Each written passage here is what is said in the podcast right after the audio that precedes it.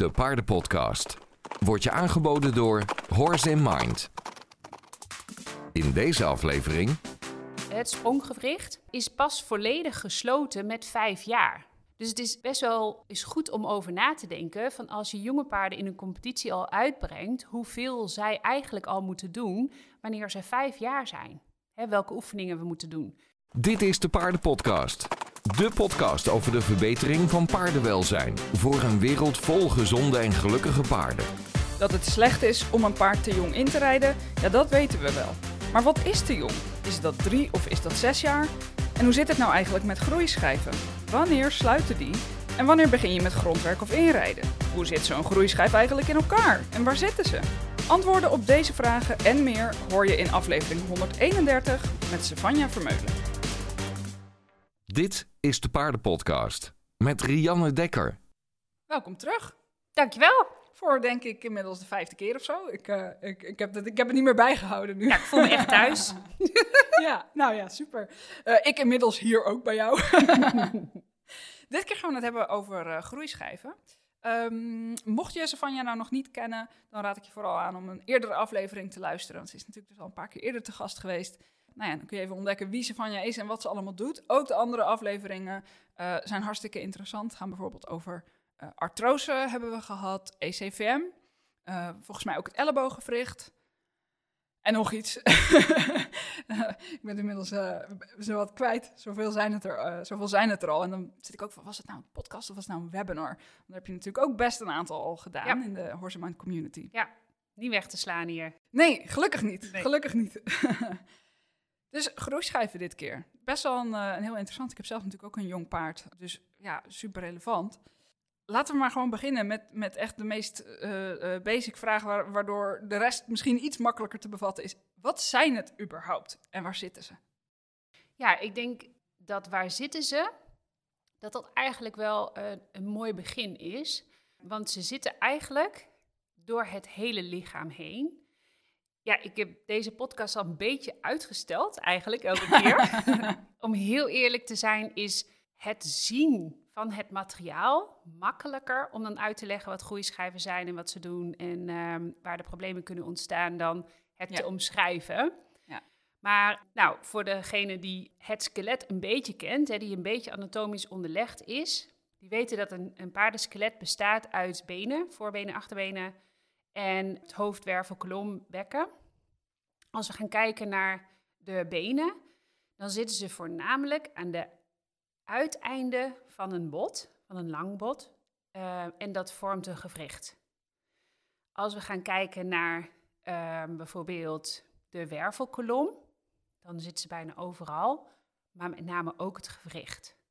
En overal, dat ga ik straks even een beetje uitleggen. Want ja, groeischijven is meer dan alleen ehm, als je plaatje downloadt, groeischijven. Het is meer dan dat alleen. En dat maakt dat ik, ja, dat ik het ook zo'n belangrijk topic vind eigenlijk. Nou ja, laten we daar dan ook gelijk op doorgaan. Want eh, ja, wat is het nog meer? Wat, wat kun je niet van dat plaatje aflezen wat je dan op Google vindt? Ja, nou, in eerste instantie wil ik ook even de eh, splitsing maken tussen groei en groeischijven. Want als je heel kort door de bocht, zeg maar, denkt aan groeischijven, dan denk je waarschijnlijk, hè, dus op het moment dat groeischijven gesloten zijn, dat het paard niet meer groeit. Maar het, het ligt ook iets genuanceerder. En er zijn heel veel wetenschappers die hebben onderzoek gedaan naar groei. En er zijn wetenschappers die hebben onderzoek gedaan naar groeischijven. Dus die Ja. splitsing wil ik ook graag maken. En als we gaan kijken naar groei, dan groeit een paard ongeveer tot twee jaar in de lengte. Dus de, de, de, de botgroei groeit tot twee jaar.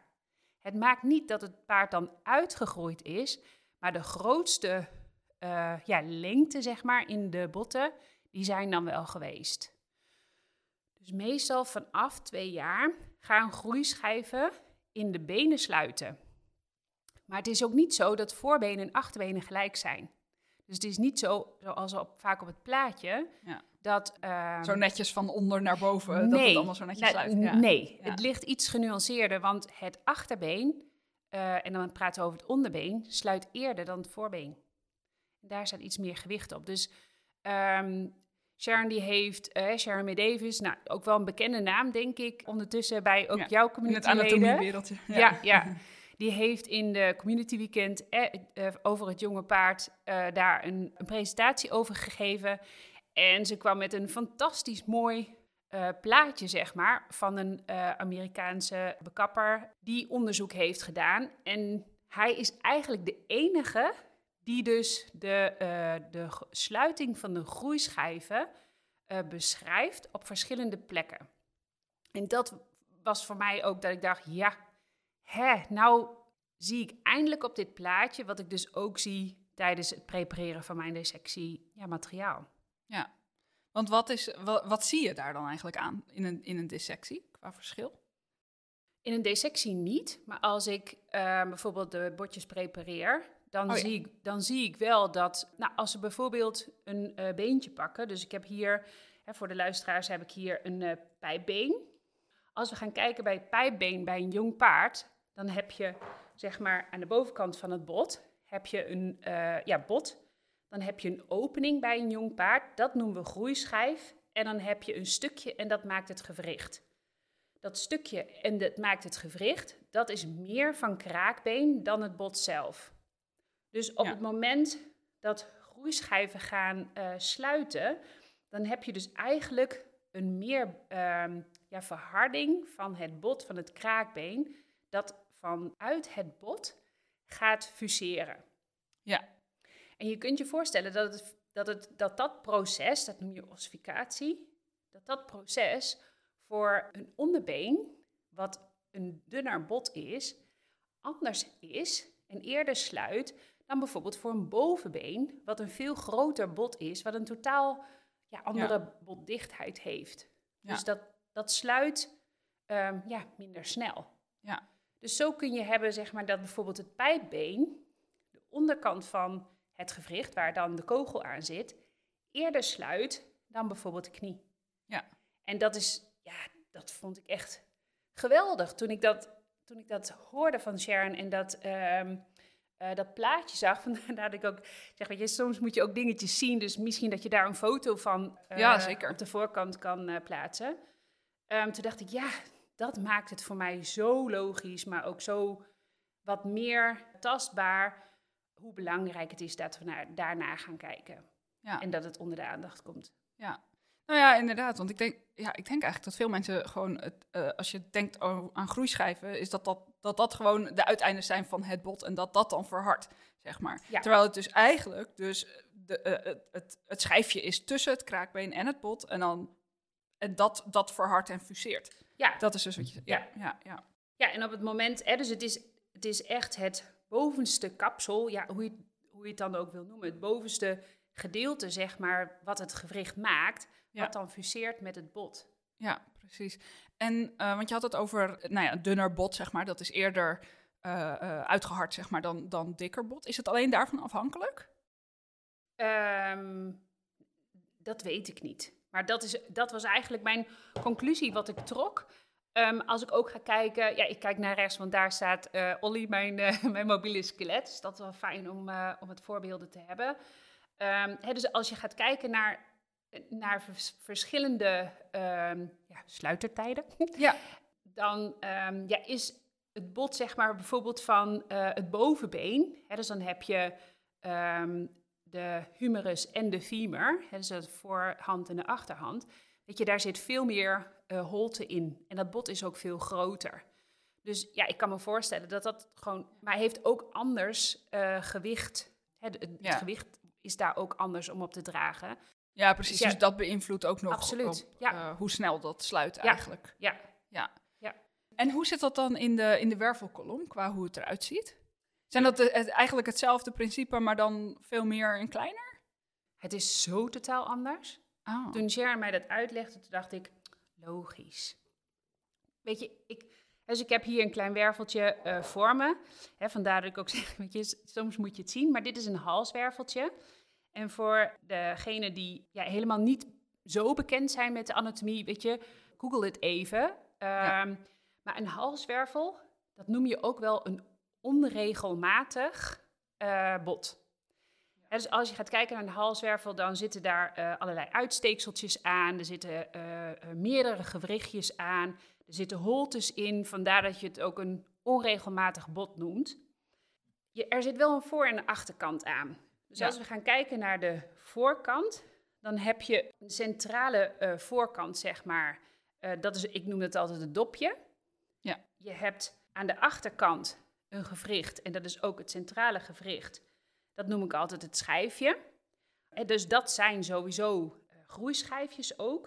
Het zijn inderdaad voor mij ook, als ik er naar kijk, het zijn inderdaad allebei een beetje schijfvormige dingetjes. En de een steekt een beetje uit en de ander die is wat holler. Ja. Dus zoals gewrichtjes ook, nou ja, Ja, in klopt. elkaar zitten. Ja. Dus dit is een veulentje van ehm, een dag oud.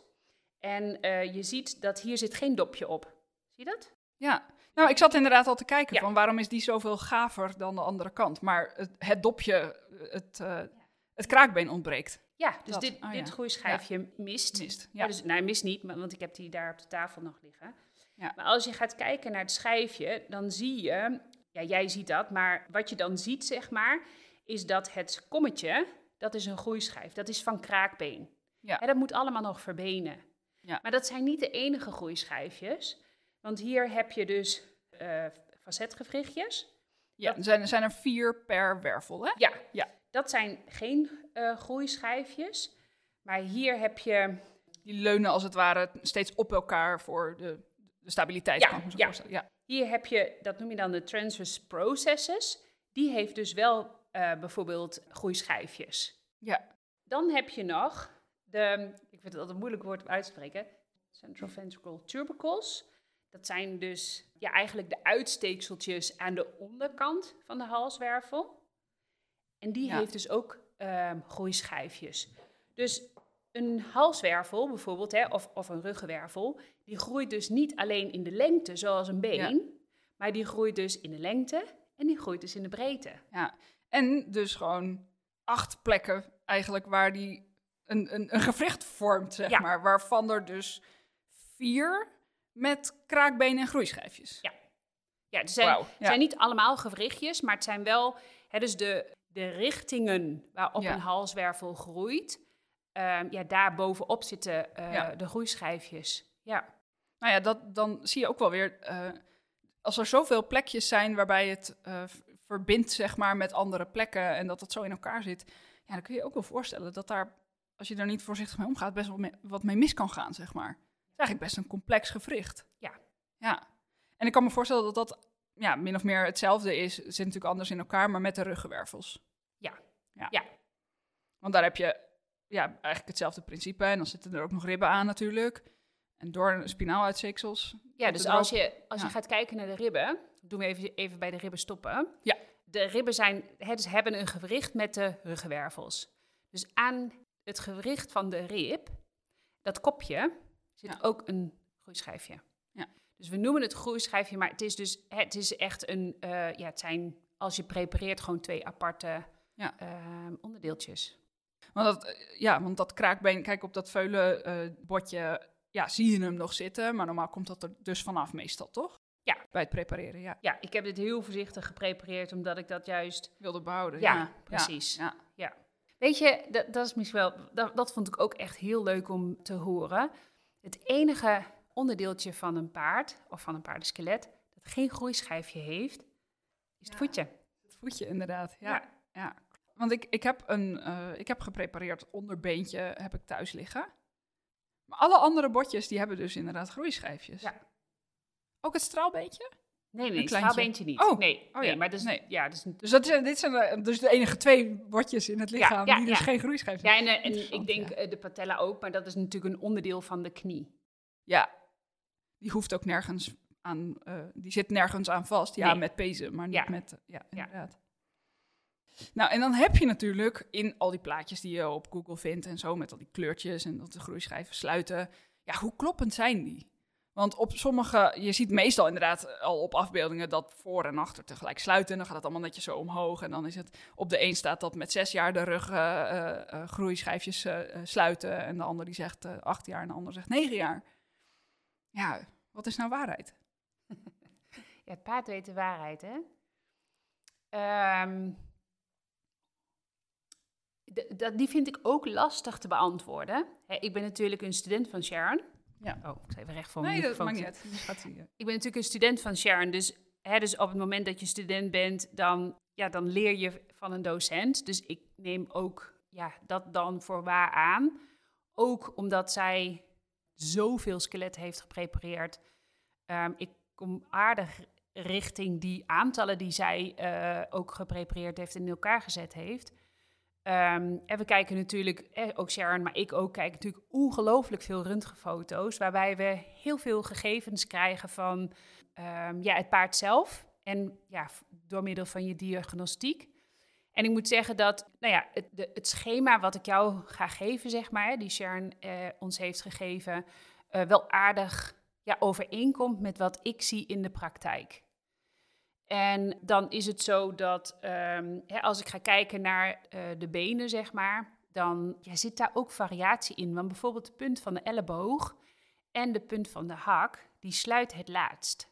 En die sluit pas na vier jaar. Dus bij vijf jaar is eigenlijk de volledige hak of spronggewricht. Dan, dan heb je het over de benen alleen. Ja, ja.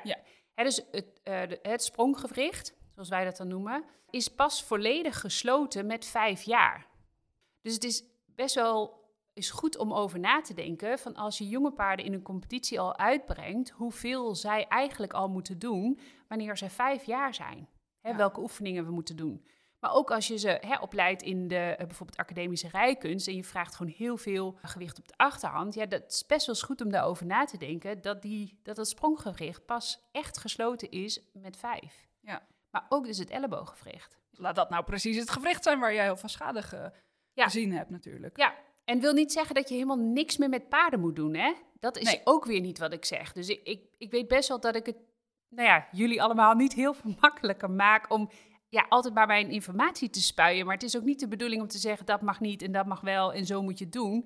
Maar het is soms wel eens goed over, om erover na te denken, zeg maar, hè, als je gedrag ziet aan je paard, ehm, waarvan je denkt, hé, hey, waar, waar komt dit vandaan? Of hè, als je sowieso bezig bent met groeien en het opgroeien van jonge paarden, om daar eens over na te denken van, is hè, wat ik vraag in de training, past het eigenlijk wel bij, ehm, ja. bij, bij de groei? En dan hebben we het nog niet eens gehad over groeispurts. Ja. En hoe zit het dan met het sluiten van de groeischijven in de rug bijvoorbeeld? Want er, wordt natuurlijk op die plaatjes staat altijd dat dat precies het deel waar je op zit, dat dat als laatste sluit. Ja, mijn ervaring is dat als ik ga kijken naar hè, dus de skeletten die ik geprepareerd heb, dan zie ik dat de, bijvoorbeeld de ruggenwervel ehm, ja, zo rond vanaf de eh vijf, zes jaar sluit, zeg maar. Ja, dus dan gaat het sluiten. Ja. Maar net Het is niet van de een op de andere dag zo van... Nee, maar het is, Bam. ook, het is Ja. ook niet zo... Hè, want ik, had natuurlijk gezegd van, weet je, er zitten heel veel eh, groeischijfjes aan een halswervel. Dus Ja. eh, de eerste groeischijfjes die sluiten zijn die, dus die eh, central ventral tubercles en de, eh, de transverse processes. Ehm, ja, dus dat zijn die op de bovenkant en de zijkant. Ja. ja. Dan hebben ze het, eh, het kopje zeg maar, van het gewricht Ja, sluit dus de ook. voorkant. Ja, eigenlijk de achterkant sluit het laatst. Dus als we het gaan hebben Ja. over wanneer het, het laatst gesloten is, dan is dat dus echt met eh, zeven jaar dat, hè, dus dat, dat het laatste groeischijfje gesloten is van de ruggenwervel. Oké. En dan gaan we kijken naar de halswervels. Dus het eerste gedeelte van de halswervels, dus tot en met C5, is ook rond die tijd gesloten. De laatste twee halswervels zijn gesloten zo rond de 8. Ja. Dat Dat betekent is echt nog best laat. Ja. Ja, dus dat is C6, C7 en T1. Ja. Laat daar nou net het grootste probleem zitten, Ja, wat zeker. betreft artrose en het missen van de nucleus lamellen of ehm, Ja. ECVM. Ja, heel veel C- ja, CTO-problematiek natuurlijk is Ja. er. Ja. Dus dat is eigenlijk ook wel ja, goed om over na te denken als je hè, een bepaalde ehm, training aanhangt, om daar nog eens naar terug te denken van ja, weet Ja. je, er zit gewoon heel veel mobiliteit in. eh, hè, vanaf C6, dat is natuurlijk heel mobiel, Ja. maar het is ook heel fragiel. Nou, zeker. Want dus ook heel complexe gewrichtjes natuurlijk. Ja. Ja. Nou ja, dat, dat eh, training en belasting invloed heeft, dat, dat weten we. En daar gaan we zo absoluut nog even verder eh, op door. Ehm, maar wat betreft andere randvoorwaarden, zoals voeding, huisvesting, dat soort dingen. Ja, hoe kun je een jonge paard nou, nou goed op ondersteunen dat, je, nou ja, dat die groeischijven zo gezond mogelijk blijven en goed sluiten. Want ik kan me herinneren dat je in een eerdere podcast ook wel eens zei van ja, ja bij sommige paarden, die zijn 17 en die krijg ik op tafel en daar zie ik gewoon niet gesloten groeischijven. Ja. Ehm, nou, Kijk, kijk, wel, je kan niet je- in je- paard kijken natuurlijk. Dus je weet nooit 100% zeker of je het perfect doet of goed genoeg doet of wat dan ook. Maar ja, misschien zijn er wel wat randvoorwaarden waar Ja. je in ieder geval aan kan denken. Nou, laten we in ieder geval eerst beginnen met het, dat wat ik zie niet gediagnosticeerd is door een dierenarts of door klinieken of door eh, test. Dat sowieso niet. Dus ik doe aannames. Hè, dus dan, ja, hè, dus degene die eh, deze podcast luisteren, die moeten dat ook echt goed in hun achterhoofd houden. Dat het ehm, ja, absoluut mijn gedachten zijn. Dan zit ik in ieder geval aan de veilige kant. Je kunt mee op mijn gedachten of niet. Dat, dat, is, ehm, dat is aan jou. Ehm, maar ik heb nu zeker twee jonge paarden op de tafel gehad, waarvan het bekken op een leeftijd van zes jaar en een leeftijd van vijf jaar niet gesloten zijn. Ja. En die horen op dat moment dus wel al. Ja, Ja. ja. Deze, al deze twee paarden zijn in hun jonge jaren erg onder voet geweest, waarvan één paard we zeker weten dat dat, dat paard als eh, jonge foetus al ehm, niet de juiste voeding binnen heeft gekregen. Mm. Want de Ja, dan begint het in de merrie al. Ja, Absoluut, Ja. ja.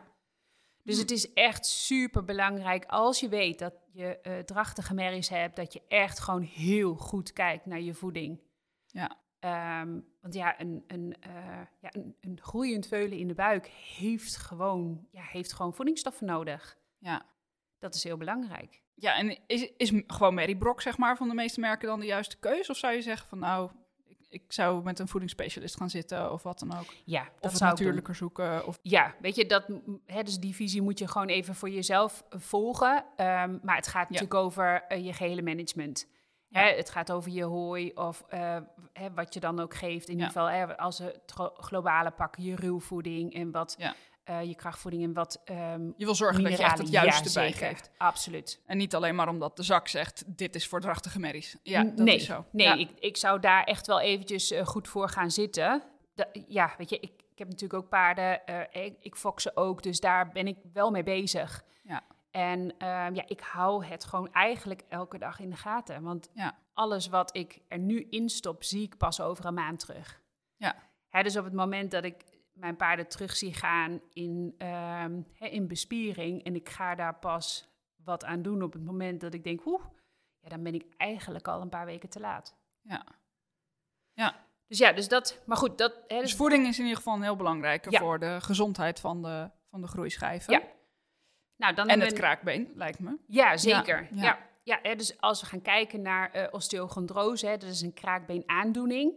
Ja, weet je, eh, eh, dat is zo super belangrijk dat het aanmaken van het kraakbeen gewoon goed is. Ja. Ja, ik, ik denk dat we, ehm, ja, dat we gewoon ja, heel goed moeten kijken als we jonge paarden hebben.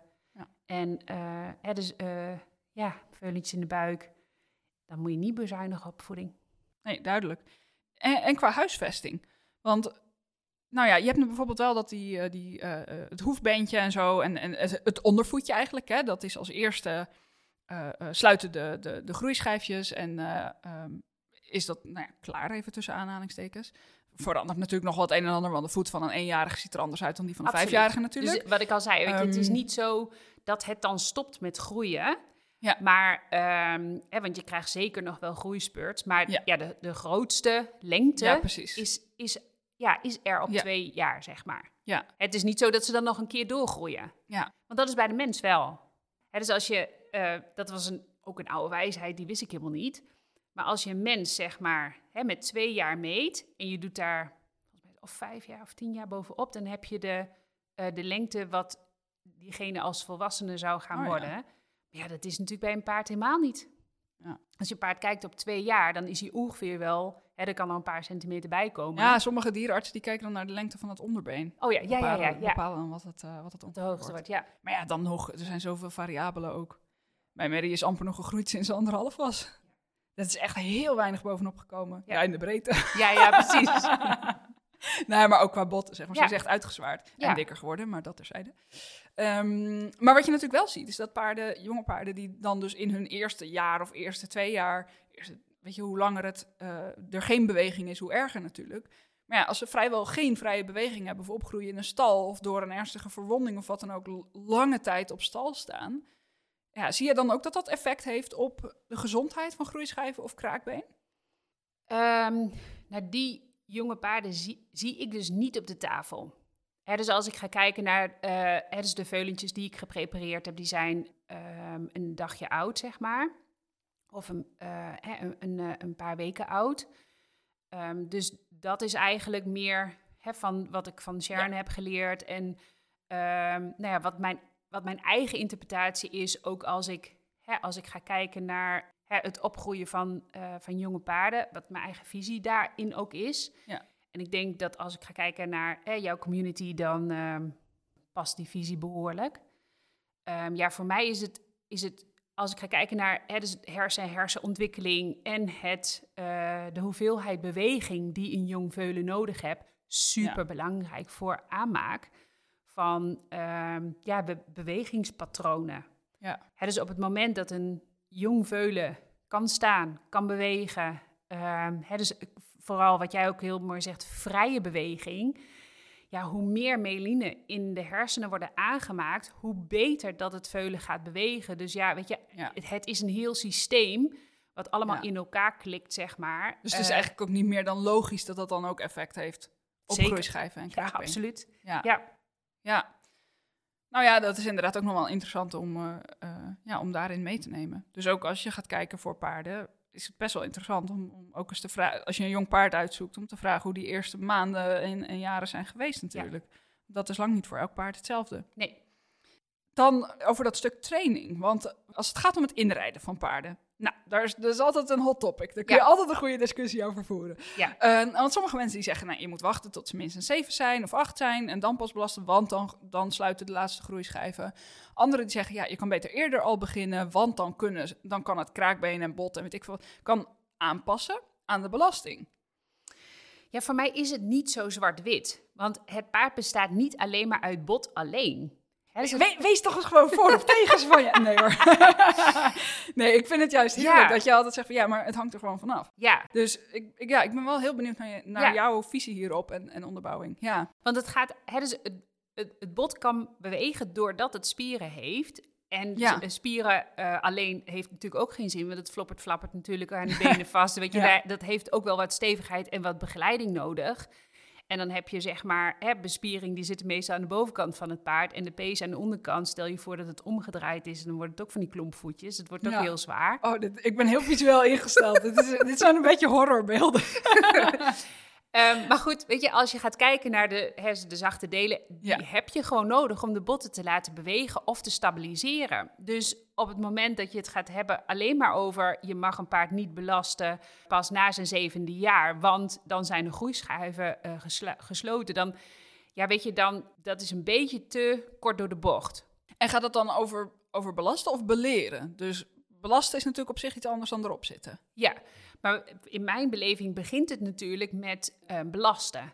Hè, dus op het moment dat je een paard niet belast hebt en je gaat hem beleren, ja, dat is voor mij een no-go als het paard drie is of als het paard tien is, zeg maar, of twintig. Ja, want belasten kan hem ook zitten dus in, in grondwerk, lanceren, ja, eh, dressuur aan de hand, dat soort dingen. Hè, dus dus hè, we kunnen ook wel zeggen, je spreekt de, spieren aan. Ja. Hè, dus in je management kun je al een heleboel doen. Hè? Dus als we gaan kijken naar uh, de paddockverrijking, waar jij ja. natuurlijk met enige regelmaat aandacht aan besteedt, dat is eigenlijk al, al heel mooi, want dat zou een paard van nature moeten hebben ja. om zijn basisspieropbouw te hebben. Ja. Nou, dan ga je kijken binnen je grondwerk of je handwerk, of hoe je dat dan ook noemt, van hoe kun je die spieren nou zo begeleiden dat ze, ja, dat ze in, in evenwicht zijn.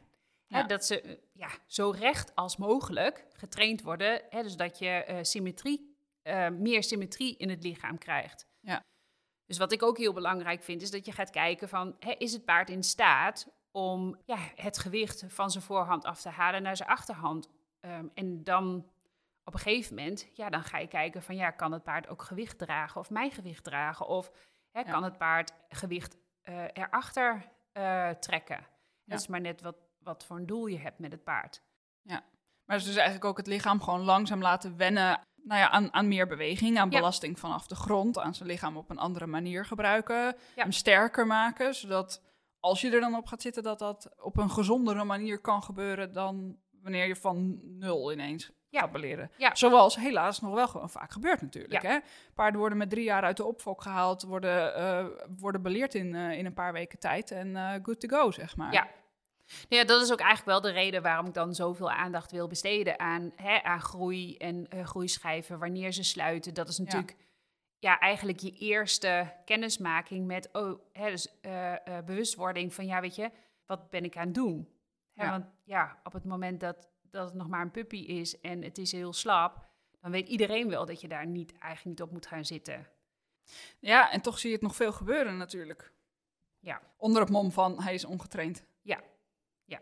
Dus ideaal is eigenlijk om gewoon vanaf, nou ja, vanaf het moment misschien dat het paard het, eh, het mentaal aan kan en rekening houdend eh, met de groeischijven in de benen. Zoals, Ja. weet je, eh, hak en, eh, en elleboog waar je het natuurlijk net over had.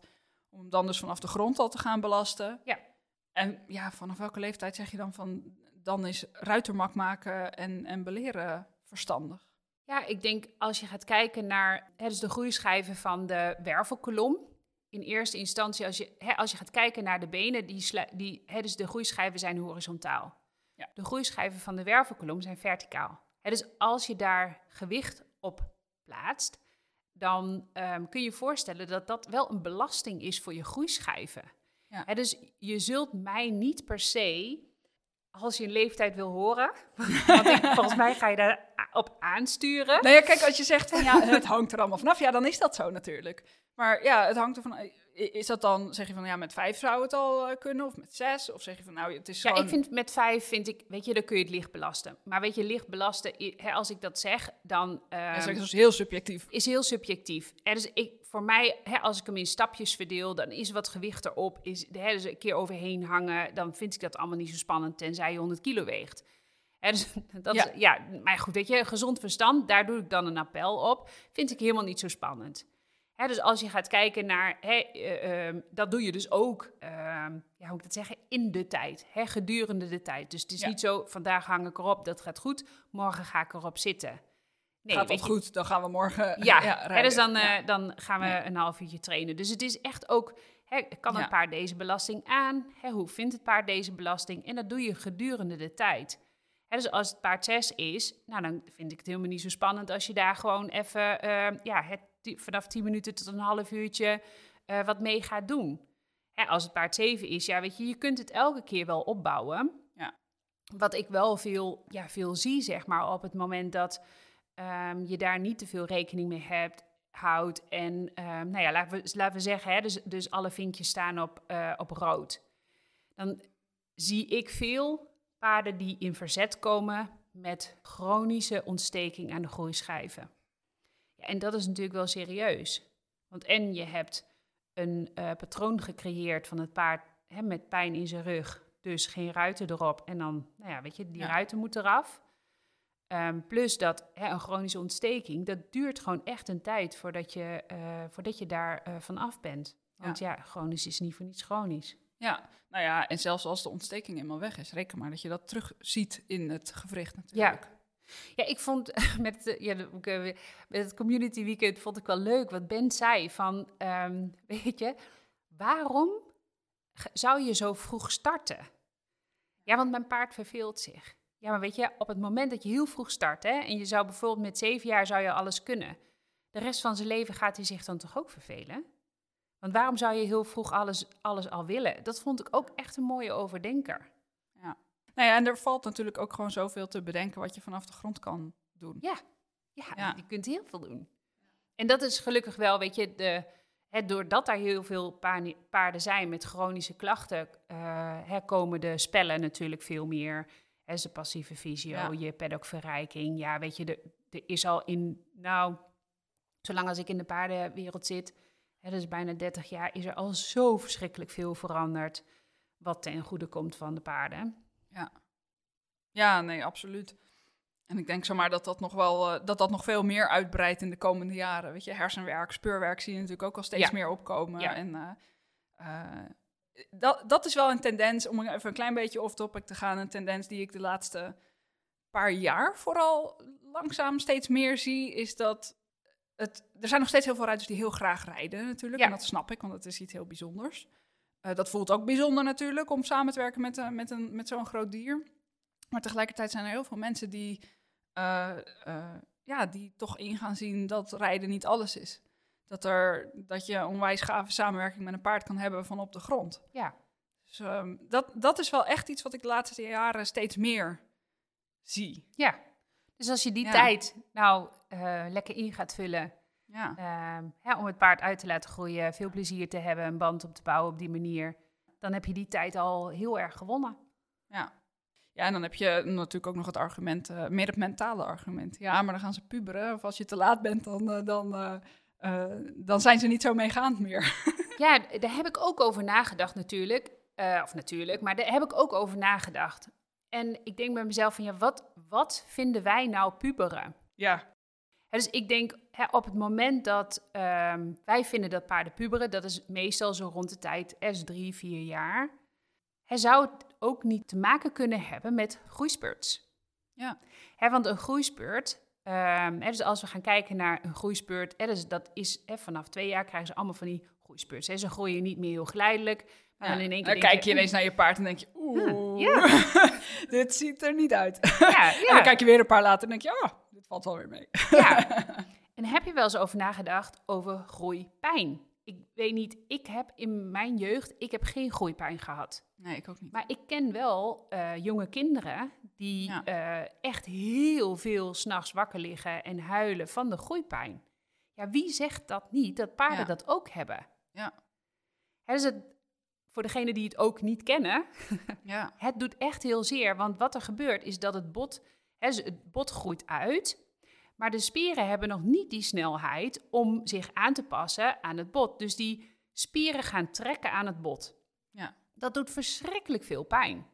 Bot is eigenlijk heel gevoelig, hè? Ja, Want eh, ik bedoel, als je er zo naar kijkt, die denkt gewoon, nou ja, het is, gewoon keihard, zeg maar. Ja. Maar het is, het is eigenlijk heel gevoelig materiaal. Ja. Iedereen die wel eens eh, zijn arm fors gebroken heeft of wat dan ook, of een eh, botontsteking of, of een, een, een, nou ja, iets dat met de bot te maken heeft, heeft gehad, die zal weten hoeveel pijn dat doet. ja, botvliesontsteking. Bijvoorbeeld, ja. Echt heel erg pijn. ja. Dus ja, zeker als we gaan kijken naar eh, het bekken. Hè, dus aan de, aan de tubercoxae, dat is een anatomische benaming, zeg maar. Dat is een eh, uitsteeksel, zeg maar, van het, eh, ehm, eh, van het bekken. Ehm, ja, die sluit pas ehm, ja, rond vier jaar. Dus elke keer als een paard een groeispurt heeft, dan, dan Ja. trekken negen spieren die rond Zo, dat eh, ja. puntje zitten, die trekken daaraan. Ja. Dus ja, ik, ik denk bij mezelf, zou dat niet pijn zijn waardoor wij zeggen het paard pubert en het paard is vervelend en het paard, ja weet je, dat weet ik niet hè, dat is een aanname van mij, maar ik denk wel eens van misschien is het goed om daar eens over na te denken. ja, zeker. Vraag en antwoord. We hebben nog wat eh, vragen via Instagram. Ik ga ze eventjes, ik pak ze er eens eventjes bij. Nou, veel van de vragen die eh, hebben we al beantwoord in het gesprek eigenlijk. Over leeftijden en dat soort dingen. Ja, wel, Loes die vraagt vanaf welke leeftijd is het goed of kun je dus met bijvoorbeeld academische dressuur aan de hand beginnen? Ja, volgens mij zou je daar al wel met 2,5, 3 jaar mee kunnen beginnen. Ja, als je maar rekening houdt met eh, kunnen, het fysieke kunnen zeg maar, van het paard en het mentale Ja, nou daar zit, hè, dus daar zit ook Ja. een kanttekening bij. Hè, dus het, Ligt eraan wat je doet. Ja, het allerbelangrijkste in eerste instantie is, is dat het paard, ja, weet je, je, je opvoeding kent. Hè, dus dat, dat, dat is heel simpel. Weet je, gaan is gaan, stoppen is stoppen. Weet je, achterwaarts. Weet je, dus die, echt die basisdingen. Dus als je het echt hebt over het rijk, de rijkunst, dan zou ik die loskoppelen. Hè, Ja. Dus als je dan gaat kijken naar het jonge paard, dan is dat het eerste waar je aan werkt. Hè, dus dat je een goede band hebt en dat je... de- dus Ja. dat je tijdens je training, waar je echt bezig gaat met je spieropbouw, waar je bezig gaat met ehm, je eh, horizontale en verticale balans, dat dat op orde is. En Rien vraagt of er nog een verschil is tussen eh mennen en rijden wat betreft het starten met belasten. Ja, ik denk dat eh, het mennen min- minder belasting geeft dan het rijden. Oké. Ja, want je zit gewoon boven op die wervelkolom. Ja. Het enige wat wel een belasting is, is je tuig. Ja, nou ja, inderdaad. En je gaf al aan van eh, met het rijden bijvoorbeeld, dat dus de, eh, de belasting op de uh, groeischijf in de benen, die is horizontaal en in, in de rug verticaal. Met mennen heb je natuurlijk precies andersom. Alhoewel de belasting op de benen natuurlijk niet recht van voorkomt. Nee. Dat is, dat is anders, ja. Oké, ja, de andere vragen die hebben we gewoon allemaal al besproken. Dus dat is wel, dat is wel mooi. ja. Best wel een, een complete podcast. Um, alvast uh, een, een, een, kleine aankondiging en die uh, is echt vers van de pers. Want Savanja die kwam ermee vlak voordat we dit gesprek starten. Als je lid bent van de Horse Mind Community, dan moet je de komende tijd eventjes goed de mail en de community, de Facebookgroep in de gaten houden. Want we gaan een, uh, om dus te laten zien hoe het ook echt zit met die groeischijven en kraakbeen, een, een middag organiseren bij Savanja op stal. Ja, Savanja, ik vind het een top idee. Ja, ja, weet je, je kunt heel veel over groeischijven luisteren. Je kunt over groeischijven lezen in je schema's. Maar ja, om echt nou exact te zien hoe dat eruit ziet, ja, weet je, dan moet je toch gewoon even Olly komen kijken. Ja, precies. Dus ja, hou het in de gaten. Er komt vanzelf meer info over. Ik moet nog eventjes uh, bijvoorbeeld een datum afstemmen. dat zou het ingewikkelde zijn, denk ja. ik. en um, ja, mocht je het nou interessant vinden, ik zet een linkje naar de Horse Mind Community ook in de beschrijving. Dus als je denkt, ah, oh, daar moet ik sowieso bij zijn, dan uh, check hem eventjes. Um, dan zie je de info vanzelf in de community. Oké, okay, nou, het uh, topic ook van uh, belasting en beleren en zo is ook uh, getackeld. Ik ja. denk dat dat wel een van de dingen was waar de meeste mensen heel benieuwd naar waren. Normaal gesproken sluit ik natuurlijk af met vragen over paardenwelzijn. Maar jij en ik kennen elkaar al ietsje langer, dus ik heb even een paar dilemma's voor je in plaats daarvan. Oké. Als je moet kiezen, zou je dan liever uh, skeletjes bekijken of palperen? Skeletjes bekijken. Ja? Ja. Waarom? Ja, ik weet niet. Geef mij een bot in mijn handen en ik groei en ik gloei en ik, ja, ik ben helemaal in mijn element, hè? Ja. Ja. dan, um, ik ben heel benieuwd of je dit een moeilijke vindt of dat je de keuze heel snel maakt. Zou je liever twee hectare hebben zonder passieve visio en verrijking of een halve hectare met heel veel verrijking? Twee hectare. Ja? Ja. Ja, ik denk, als ik ga kijken naar mijn paarden, dat ze echt heel veel ruimte nodig hebben. En verrijking kun je altijd aanbrengen. ja, maar dat mag dan dus niet op die twee hectare. ja, dan ga ik toch voor twee hectare. Oké, ja. oké. Interessant. Ja. Um, ik denk dat ik het antwoord hierop wel weet, maar ik ga hem toch stellen. Je online uh, studie The Horse Inside Out of een live opleiding? Heetje, live. Ja? Ja, ik, ik vind het gewoon... Nou, ik heb natuurlijk alle twee, dus ik ben echt een, een, rijke persoon. Maar uh, ik heb gisteren, ja, of afgelopen weekend heb ik natuurlijk, of natuurlijk, maar heb ik weer opleiding gehad met een groep en ja, gewoon de verbazing, de verwondering. Um, directe die je, reacties ja, kunnen zien. Die je ziet op het moment dat je hè, hen iets aanreikt. Ja, dat is gewoon zo goud waard. Ja. ja. Kan ik me echt alles bij voorstellen. Ja, ja zeker. Het, uh, dat, dat was hem. Dat waren de, de dilemma's oh, die, die, die voor dilemma wel? mee. Ja, het viel mee. viel mee. ja. Ja, ja, ik wil jou hartstikke bedanken weer voor het delen van je kennis. Want het is, ja, ik vind het echt een razend interessant topic. En uh, ja, mijn merkje is 7. En uh, ik uh, moet eerlijk zeggen dat ik het afgelopen jaar toch de, de, de druk wel een beetje gevoeld heb. Om dan, ja, je moet er toch op. En je kan nu wel, je moet nu echt wel wat gaan doen. En ja, ze wordt er ook niet jonger op. Ja. En dat is wat mensen letterlijk tegen me zeggen. En ik denk eigenlijk van ja, valt eigenlijk allemaal wel mee. Nou ja, ik hoop dat mensen, waaronder jij natuurlijk ook valt, ook echt gewoon onthoudt wat Bent zegt. Van waarom zou je haasten in de eerste zoveel Ja. jaar? Terwijl, ja, weet je... ehm, Ik heb zo geen haast met haar als ik puur en alleen van mezelf, vanuit mezelf kijk. ja, Waar, voor wie? ja. Weet je, het, het paard kan dik in de 20 worden en kan wel 30 Ja. worden. Ja, weet je, dat kan ook allemaal nog, hè? Ja, precies. Ja, Ik bedoel, er zijn zat andere redenen die ik zou kunnen bedenken waardoor beleren mogelijk wel voordeel zou hebben. Weet je wel, van wat je dan met haar kan doen. En kilometers als je erop zit. ja maken, zeker. Dat soort dingen. Natuurlijk, dat snap ik. Maar als het puur en alleen gaat om... Oké, ik, ik moet er nu beleren, want anders is het te laat of zo. Ja, dat, is, dat, dat voel ik zo niet. Nee, maar je, weet je, Ja.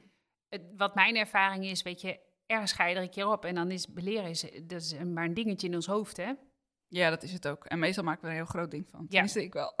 Ja, weet je, je gaat Ja. erop zitten en dan denk je, oh, Ja. easy peasy. Nou, ik ben wel benieuwd hoe dat nu voor mij gaat, maar Ja, we gaan het zien. Hartstikke bedankt. ja graag gedaan. En eh, ja, ik ga gauw eh, van alles met je afstemmen wat betreft die community dag natuurlijk. Ja, heel leuk. ik nu al heel veel zin in. Ja, ik ook. Dankjewel en eh, tot de volgende keer. Tot de volgende keer. Vond je deze podcast interessant? Dan zou ik het heel leuk vinden als je mijn handje wil helpen om nog meer paardeneigenaren te inspireren.